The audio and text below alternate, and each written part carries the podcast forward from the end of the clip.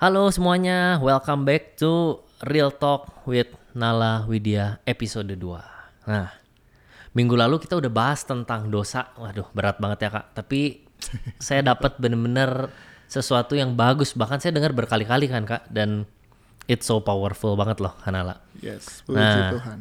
Minggu ini kita mau bahas yang selalu dan gak pernah lepas dari kehidupan kita. Hmm, apa tuh?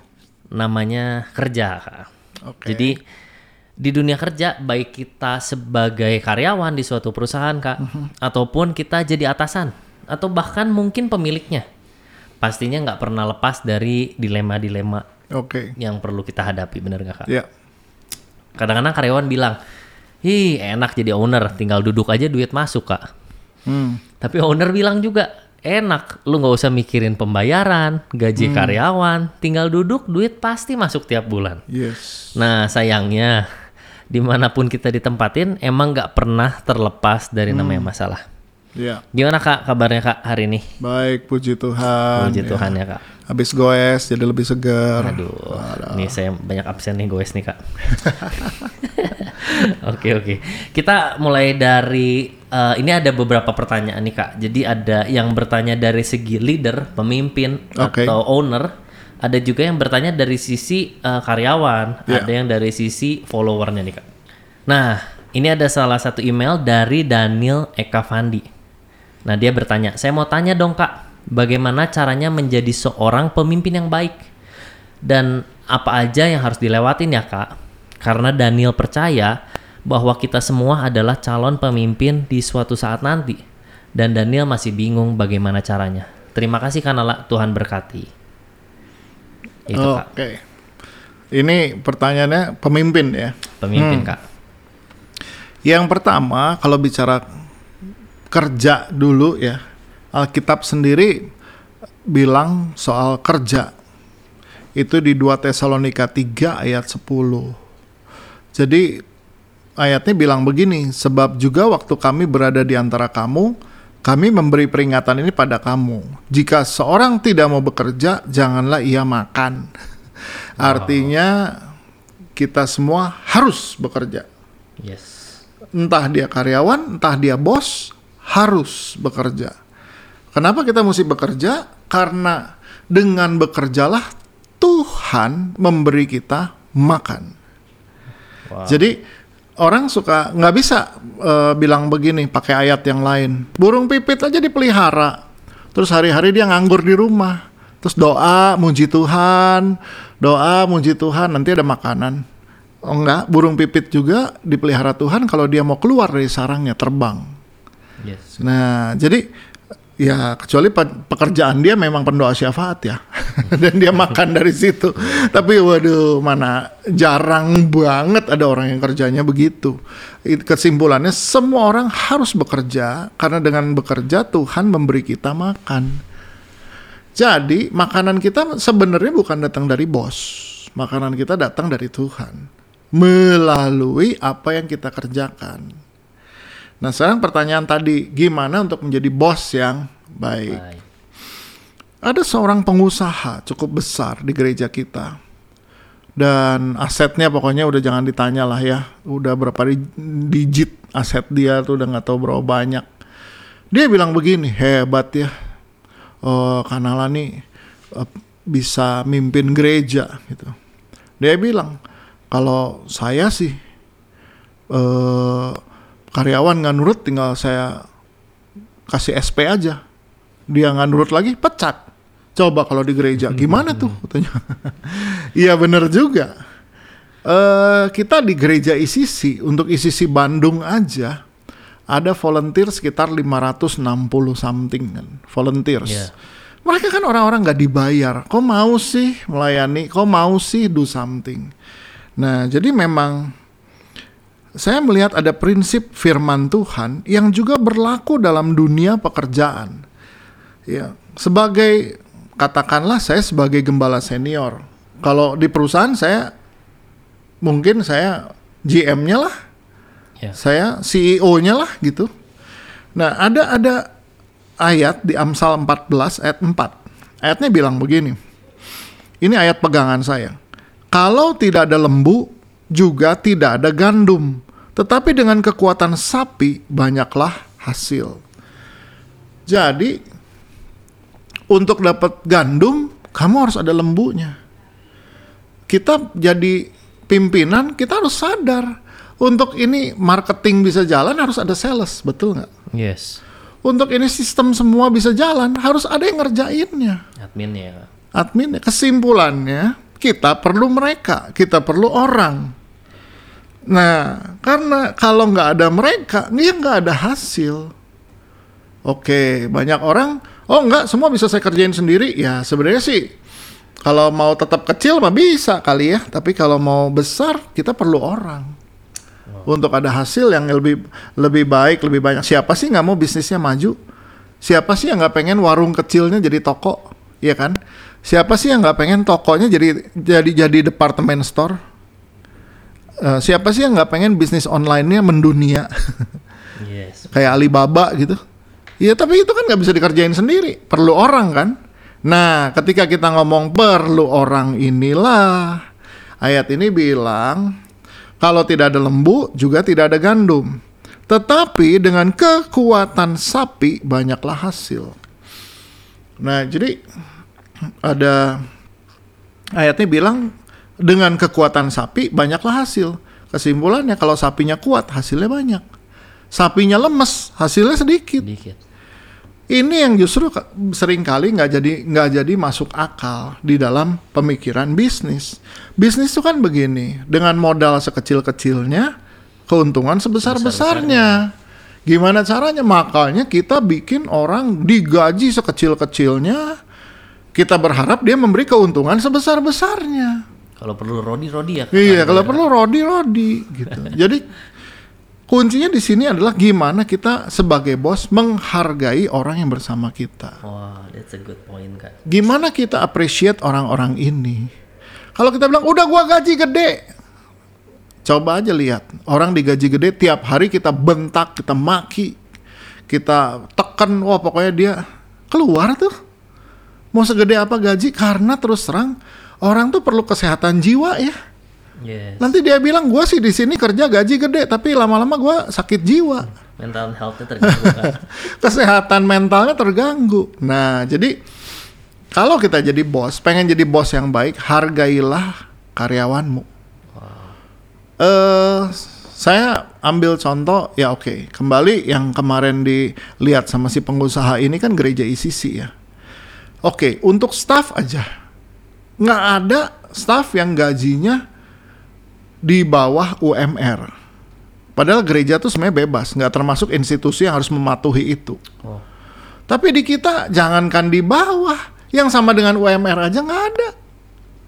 Even office boy kita masih di atas UMR dengan segala tunjangannya. Apalagi admin dan lain-lain gitu loh. Ya pasti di atas UMR semuanya. Belum lah, itu satu secara gaji dan tunjangan. Belum lagi yang kedua, gimana mereka diappreciate gitu kan? Ya, gimana saya sebagai pemimpin, apakah saya mengapresiasi mereka atau tidak? Gimana pekerjaan mereka? Kembali kalau kita ngomong ini bukan volunteer, ini sekarang staff nih, staff dan pastor. Apresiasinya gimana? Oke, okay, mungkin gaji, oh kalau di tempat A gajinya 10, kalau di ICC misalnya cuma 8. Iya, tapi contohnya kalau di ICC, opportunity-nya besar. Contoh, kita selalu kirim staff, leaders kita kalau untuk ikut conference, untuk di di equip lah intinya. Yeah. Jadi mereka merasa bahwa di sini sih saya nggak sekedar kerja dan dapat uang, tapi saya juga di equip, saya juga dilengkapi, saya jadi punya pengalaman. Ini aja kan uh, ada grup pastor berangkat ke Amerika ngapain? Mereka ke Atlanta ikut on conference di Orange ya. Dan untuk ngurusin mereka yang pergi, saya suruh sekretaris saya pergi. Enggak saya yang pergi, sekretaris saya yang pergi. So, orang bisa lihat buat dia. Dia sih bukan sekedar kerja sebagai sekretaris terima gaji sekretaris, but dia ada opportunity, ada kesempatan yang kita selalu buat, berikan.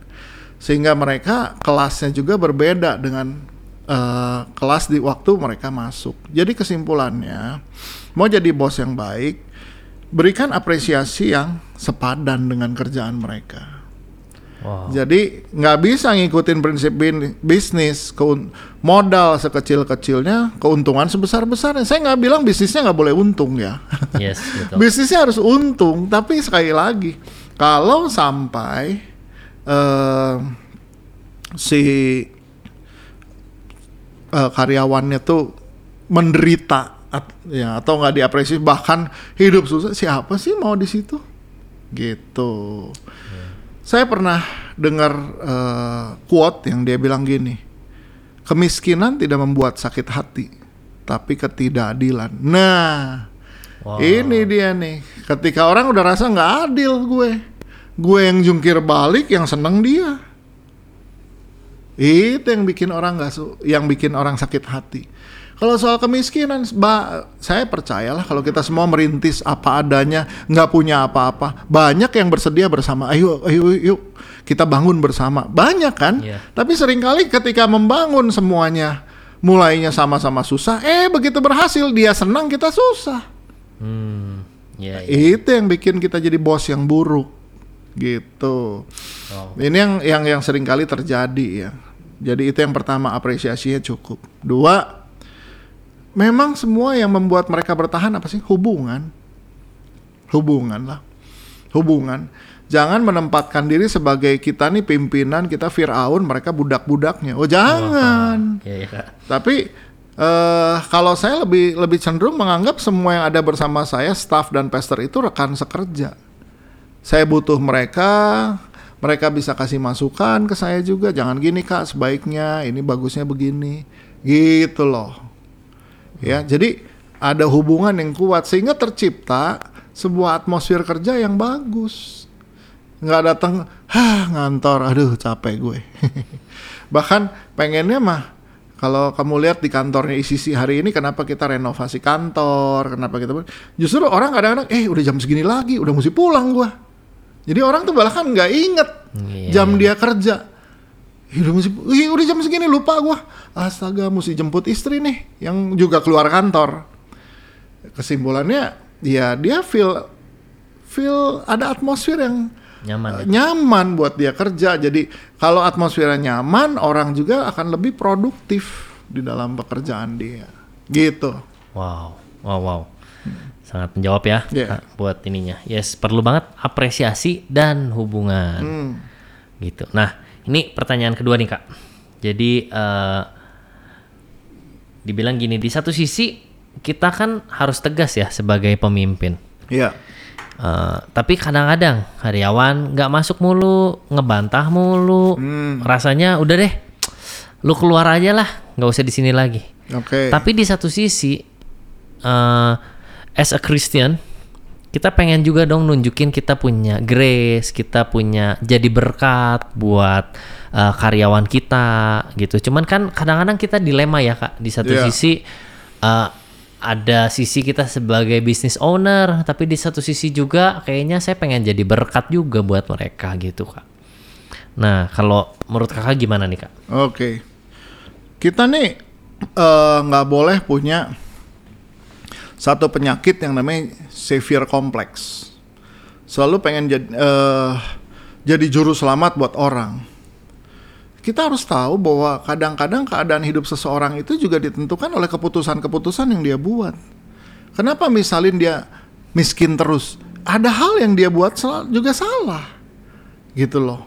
Jadi nggak pernah Tuhan Tuhan me- menciptakan orang dan memanggil orang untuk hidup dalam kesengsaraan gitu loh. Dia yang kaya menjadi miskin supaya kita yang miskin menjadi kaya. Yesus Tuhan Yesus yang bilang. Nah, jadi eh, dalam hal kerja juga kita mesti lihat kita udah coba tolong, udah coba bina nih orang gitu. Tapi kan kembali lagi untuk maju atau mundur tergantung dia dong. Iya, Dia mau ambil keputusan atau enggak? Saya juga udah ngebantuin orang banyak banget. Udah ngebantuin orang banyak banget. Dan kembali ke keputusan dia. Ada yang berhasil, ada yang gagal. Kalau yang gagal tuh kenapa kurang kita bantu gitu loh. Jadi saya eh, dikasih eh, tips sama teman saya bagus. Dia bilang ya don't take leadership decisions with pastoral heart. Nah yang tadi tuh soal. Wah, kan mesti nunjukin kasih, mesti nunjukin eh eh, kita nih sabar, wah ya murah hati gitu-gitu. Iya, mari mari mari mari mari. Tapi juga di sisi lain kamu jangan menginjak-injak kasih karunia. Kesabaran, kasih itu bukan untuk diterapin ketika orang salah. Murah hati ketika orang salah salah biarin kan kita nggak boleh marah pemimpin mah kita nggak- Tuhan Yesus bilang kalau kamu marah jangan matahari terbenam amarahmu belum padam artinya mesti tegur-tegur aja mesti marahin marahin aja. Tapi jangan sampai terus berlarut-larut udah seminggu masih marah. Nah, itu salah. Sampai Baper ya, besok pun jangan. Iya, iya. kita udah selesai eh gini ya saya mau ngomong sama kamu gini gini supaya kamu ngerti kamu gini gini gini selesai abis itu udah. Kalau memang nggak bisa juga kita mesti pikir gini jangan sampai satu kapal tenggelam gara-gara kita piara orang bodoh di dalam. Wow. Nih orang nih kerjaannya mukulin dinding kapal, ngebocorin dinding kapal. Terus kita diemin ya kan kalau nggak di kita dia di lautan luas ini sama siapa lagi? Terus kita biarinin dia, akhirnya kapalnya bocor, setengah kapal kapal tenggelam, isinya yang sereb, yang ribuan ini yang tenggelam sama kapalnya, gara-gara satu orang kita piara. Wow. Oh nggak bisa, don't take leadership decisions with pastoral heart. 12 tahun yang lalu, nih tahun berapa ya? 2022. Iya ya benar-benar 12 tahun yang lalu. Saya pernah harus memecat seorang pastor. Memecat seorang pastor. Iya itu it's a hard decisions. Tapi memang karena diomongin nggak bisa, dia, aduh, saya udah coba bahkan sampai teman saya sendiri bilang, lu gila orang kayak gini, lu masih eh, bawa ke Amerika lah, apalah, apalah. Ya saya harap orang teh ada rubahnya, gitu loh. Ternyata nggak robah juga, gitu.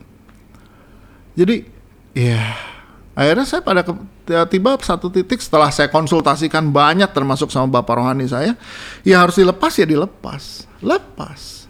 Dan saya bilang, ya kamu saya kasih gaji 6 bulan. Jadi kalaupun ngelepas mesti bener, mesti bener tuh. Kasih gaji 6 bulan lepas, ya udah. Ya emang dramanya sih kayak drama Korea ya panjang. Wah, kebayang sih, Kak. Tapi gereja kita nggak akan pernah menjadi sama seperti dulu lagi. After 12 tahun terakhir ini, wah, seperti kamu lihat sekarang pertumbuhannya.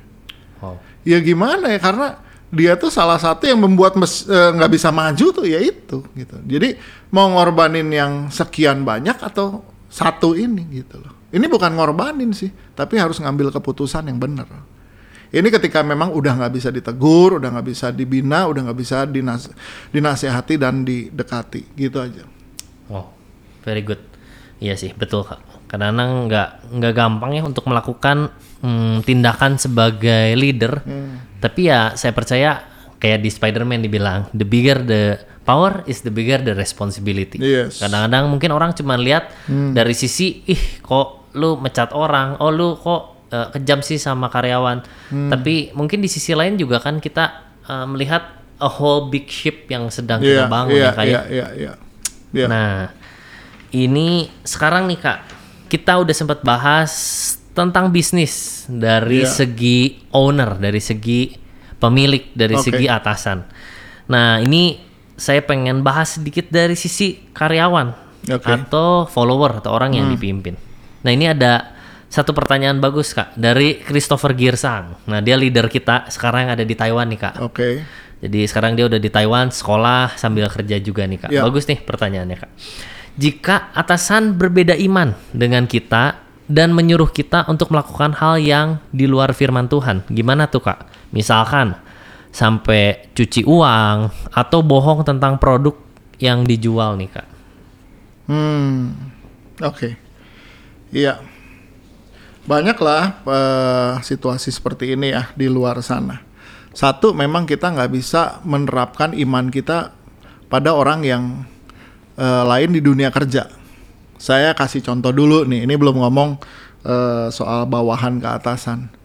Ini aja. eh, kita ini di gereja, kan jelas kita ini gereja ya. Iya ya. Tapi kan office boy kita bukan Kristen. OB-OB kita nih office boy kita bukan Kristen. Nah, saya nggak bisa ketika ada OB mau cerai terus saya bilang gini, woi Dilarang perceraian itu. Dia bukan Kristen. Dia mau cerai, dia mau kawin lagi, mau sampai 17 kali cerai pun kita nggak bisa ngomong. Karena di agama dia itu diizinkan. Hmm. Atau dia kawin satu istri sampai empat istri, kita nggak bisa ngomong. Kita nggak bisa bilang kamu nih gimana istri itu satu tahu. Loh, itu iman Kristen. Ya. Di agama dia nggak ada itu. Kesimpulannya kita nggak bisa paksain sepatu kita ke sepatu dia. Gitu loh. Jadi kalau sekarang nih misalnya sebagai karyawan nih, bos kita nyuruh, ya itu kan dia memang itulah yang ada di kepala dia ya gitu. Kita sih bisa ngomong, bos sebenarnya nggak bagus begini, ya. Nggak bagus nih bikin begini. Kalau ketahuan ya nanti kita ditangkap nih. Ketahuan kita bisa repot semua. Eh, udah kamu nggak mau bikin saya yang bikin ya itu kalaupun dia bikin tapi nggak melibatkan kita nah itu intinya gini bisa nggak kamu nggak terlibat di situ loh Hmm. Ya, ya, ya. bisa nggak kamu nggak terlibat gitu kan eh jadi si si si si bos yang yang buat itu atau misalnya gini nih ya deskripsi produk ini udah saya bikinin begini kamu tinggal baca aja dari situ deskripsinya kamu mah sedang menjalankan perintah gitu loh Oh. jadi itu kan kerjaan kita sebagai karyawan. Bangsa Israel pernah berada di Mesir gitu kan. Mereka kerja sebagai budak. Budak. Mereka mesti ikutin siapa? Iya. eh, bos mereka yang yang yang yang suruh. Bahkan sampai mereka nggak bisa ibadah. Apa sih misinya Musa? Lepaskan mereka, izinkan mereka untuk beribadah. Betul nggak? Mereka nggak bisa bilang, Firaun, kerja melulu nih kita, kapan kebaktiannya? Wah ya susah ngomong begitu ya. Ya. Kecuali kamu bilang, ya kalau saya nggak boleh kebaktian, saya nggak mau kerja di sini. Kamu bisa buat begitu, ya udah, good. Atau kalau saya nggak mau, eh, saya nggak mau bikin gini, kata si bos, ya udah cari kerjaan lain. Puji Tuhan, kalau memang ini udah sangat mengganggu hati nurani kamu dan memang kamu rasanya, aduh, Tuhan, pas saya nggak mau nih buat ini nih, ini mengerikan banget, kecurangannya fatal banget nih. Saya nggak mau tangan saya kotor dengan ini semua. Ya, bukain saya pintu pekerjaan lagi. Tuhan bisa buka. Wow. Sesusah apa pun cari kerja Yes. di dunia situ. Tapi pasti bisa. Yes. Gitu aja. Betul. Yang Kanala pernah ngomong ya, pasti kalau orang bener pasti Tuhan bela ya kak. Hmm. Apa pun caranya, mungkin kayaknya nggak enak, tapi pasti Betul. there always a way out ya ya. Yes. Oke. Nah, ini pertanyaan yang banyak nih kak yang nanya tentang ini lewat email, lewat pribadi juga ke saya. Jadi eh, lagi hot topic banget kalau kalau kita sering lihat di reel lah, di TikTok tentang yang namanya hustle culture kak. Atau kayaknya tuh me- apa ya memuja-muja kerja keras. Kayaknya di umur-umur produktif 20, 25 itu tuh kayaknya kalau nggak kerja nggak overwork kayaknya nggak keren kak bahkan kayaknya sampai nggak ada hidup bahkan ada yang oh saya tiga tahun saya cut semua hubungan main teman semua saya fokus sama kerja Hmm. pokoknya saya pengen kerja kerja kerja kerja gitu kak Nah, apa sih kak kata firman Tuhan tentang kerja berlebihan atau yang boleh dibilang glorifying overwork Ya, ada ayat yang tertulis di dalam Matius ya pasal 16 ayat 26. Apa gunanya seorang memperoleh seluruh dunia tetapi kehilangan nyawanya? Dan apakah yang dapat diberikannya sebagai ganti nyawanya? Nah, kata nyawa di sini oh mati maksudnya enggak, tapi kehilangan kehidupannya. Apa sih yang berharga dalam hidup kita ini sekarang kehidupannya? Hari ini kamu ngeluh, aduh ini susah nih nggak ada duit nih, nggak ada ini nih proyek macet nih, aduh nggak ada orderan nih, saudara. Puji Tuhan, tapi kita masih hidup, gitu loh. Aduh, nih kayaknya bingung nih besok mau bayar ini pakai apa puji Tuhan. Selama masih hidup, kita nih masih bisa bersyukur masih hidup. Karena ada orang lain yang yang duitnya duitnya segudang-gudang lagi bertarung dengan hidup matinya dia hari ini kan gitu. Karena karena penyakitnya dan lain-lain. Jadi kesimpulannya gini. Apa gunanya sih kamu jungkir balik tapi kamu nggak enjoy life? Karena beda loh.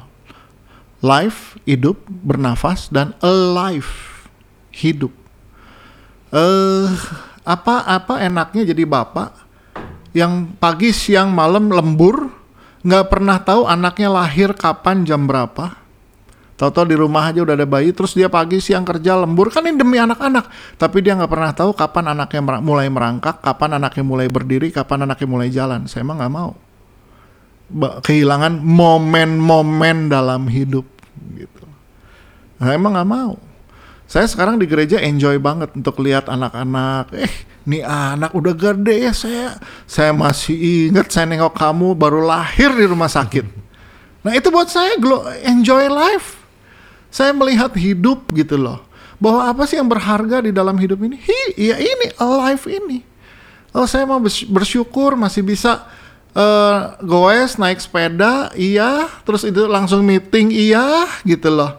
Dan ketemu orang-orang baru, iya gitu kan. Menjangkau mereka, iya. Dan masih bisa liburan sama anak-anak puji Tuhan. Libur juga nggak usah mewah Kem- yang penting ngumpul gitu kan ketemu Bu. jadi kita mesti lihat apa sih yang kita cari gitu. Alkitab bilang ayat yang mengenai kita cari itu ada tuh. Itu ada di eh, Rasul Paulus nasihatin ada nasihat Rasul Paulus di 1 Timotius 6 asal ada makanan dan pakaian cukuplah Nah, kita nih kan overwork nyari apa? Masalahnya kan kita nih makanan begitu Oke. Kita nih suka naikin standar. Ya, dulu makan eh, nasi gado-gado cukup gitu. Begitu makin ke sini kan makan ya ada nih saya lihat orang kerja mesti di kafe. Kenapa sih mesti di kafe gitu kan? Aduh di kamar kos bosen, dia keluar lu ke, ke kebon ke sedikit, apalah. Kecuali nggak punya wifi ya. Iya, iya. Tapi kan kamu di kafe sehari di kafe, setiap hari di kafe minimum 100 ribu kan, minimum 100 ribu Iya, iya. kali dua. Kalau kamu kerja 25 full 20 hari. hari. aja, 25 hari, 2 juta setengah cuman buat nongkrong di kafe. Iya, iya. Tuh, nyari apa sih gitu loh. 2 juta setengah dengan 2 juta kalau saya sih ya mendingan tem- tem- kamar saya atau tempat kerja saya saya beresin deh beli ini beli itu supaya betah dan enak nih kerja nih gitu loh. Eh sering kali kita salah dalam dalam pilihan juga gitu kan.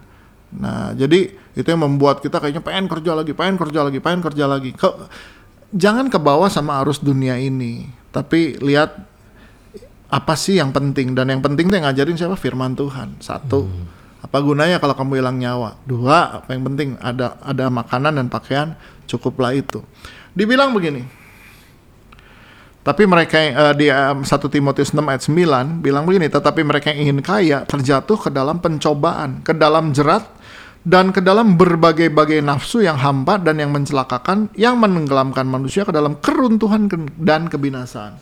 Ramai kan urusan investasi bodong dan lain-lain gitu loh. Tapi kenapa orang terjebak ke situ? Selama orang, nih kemarin saya dengar penjelasan yang bagus. Selama umat manusia masih ada, masih ada yang mau ke situ. Kenapa? Karena manusia itu punya otak reptil. Otak reptil itu otak yang bekerja berdasarkan insting aja gitu loh. Insting pengen cepat dapat untung. Lu mau nggak nih tanam sini nih? Tiap bulan lu terima 10%. Wih, di mana? Nanam 100 juta tiap bulan terima 10 juta dalam 10 bulan. Balik modal sisanya ongkang-ongkang. Itu kan kita pengen kan, duduk Iya, ongkang-ongkang kaki. Padahal eh, tadi firmannya bilang nggak mau kerja, nggak usah makan. Iya, iya. Nah, jadi di mana duduk tenang ongkang-ongkang terus ter- terpengaruh banget lah kita nih sama TikTok yang eh, jam harga 2 mulat murah banget. Jam 2 miliar buat apa sih gitu loh. Iya, iya. Gitu kan. Kecuali memang kamu investor ya. Kamu investor, memang itu eh, barang investasi kamu yang kemudian one day dijual lagi ting- 3 miliar gitu. Tapi intinya adalah investasi itu kan mesti uang dingin dan bukan uang operasional kita dan lain. Tapi banyak orang terjebak ini karena apa sih? Ingin kaya atau sekarang bisa diterjemahkan ingin Cepat. eh hedonnya itu loh. Hmm. Gaya hidupnya itu loh. Jebakan buat anak muda itu gaya hidupnya itu tuh. Sayang banget. Kerja udah capek-capek, habisnya sama gaya hidup. Saya ngelihat orang kan gitu di Instagram duduk di beach club gitu kan. Wah, buka champagne berapa sih dihabisin buat begituan? Ya ampun. Tapi kayaknya cool gitu ya gitu Iya. ya. kayaknya wah, ini dia nih hidup. Ah, kita perlu kita perlu punya purpose lah dalam hidup. Kenapa sih gua kerja? Tujuannya buat apa sih? Gitu loh. Yes. Setuju banget ya Kak. Maksudnya bener esensinya sebenarnya bukan eh, kerjanya sebenarnya. Yang aku tangkap sebenarnya kerjanya nggak masalah ya Kak. Tapi yang Iya. menjadi masalah adalah esensinya apa nih? Eh, Iya. Lu gila-gilaan kerja esensinya apa nih? Ya. Kalau untuk ngejar sesuatu yang memang hampa dan yang memang kayaknya buat ngejar lifestyle sayang banget ya Kak ya. Sayang banget, sayang Gitu. banget, sayang banget. Tapi saya setuju kamu kerja keras. Kenapa? Mau beli rumah nih. Ya, puji Tuhan. Oh, yes. Aduh, ya cuman itu juga jangan sampai membuat rumah dapat istri minta cerai. Lah, apa gunanya? Sendirian tinggalnya ya Kak. Iya, kalau sendirian kalau akhirnya lu jual lagi, Kit- kamu balik lagi ke rumah orang tua gitu kan Iya, iya. ngapain coba? Oh bener bener bener kak. Iya sih. Jadi perlu ya untuk ini. Tapi uh, for your information ya teman-teman nih. Aku kan kenal Kanala ya. Walaupun di sekarang tahun ini umur berapa ya kak? 55. 55. Kanala ini bisa ada abis khotbah, abis khotbah ketemu orang, ketemu orang, udah gitu malamnya bisa pergi lagi ke misalkan ngelayat ke orang yang meninggal untuk share juga ya kak. Setelah itu malamnya ada konseling lagi kadang-kadang sampai subuh Kanala itu masih uh, ada ada pasangan ribut pergi subuh-subuh. Jadi kalau mau ngomongin uh, kerja kerasnya Kanala boleh banyak banget belajar loh sama Kanala gitu. Luar biasa banget umur segini ya menurut aku iya ya gitu. Aku bisa ngeliat Kanala aja uh, kerjanya luar biasa gitu karena yaitu purpose-nya, tujuannya, apa yang Kanala kejar saya yakin banget memang buat jiwa-jiwa gitu Kak. Amin. Thank you banget Kanala. Teman-teman thank you banget buat hari ini terberkati banget ya banyak belajar dari Kanala Yes, tentang bagaimana Tuhan. kita sebagai leader, bagaimana kita sebagai uh, follower juga untuk tetap balik lagi fokusnya sama firman, fokusnya sama Tuhan. Sebagai leader, sebagai follower, kita harus terus cari tahu juga hati nuraninya kita. uh, Iya. Tuhan mau apa, bawa ke mana Iya, kita iya, ya kak Iya. begitu. Terima kasih teman-teman buat uh, waktunya udah dengerin Real Talk with Nala Widya. We keep it real.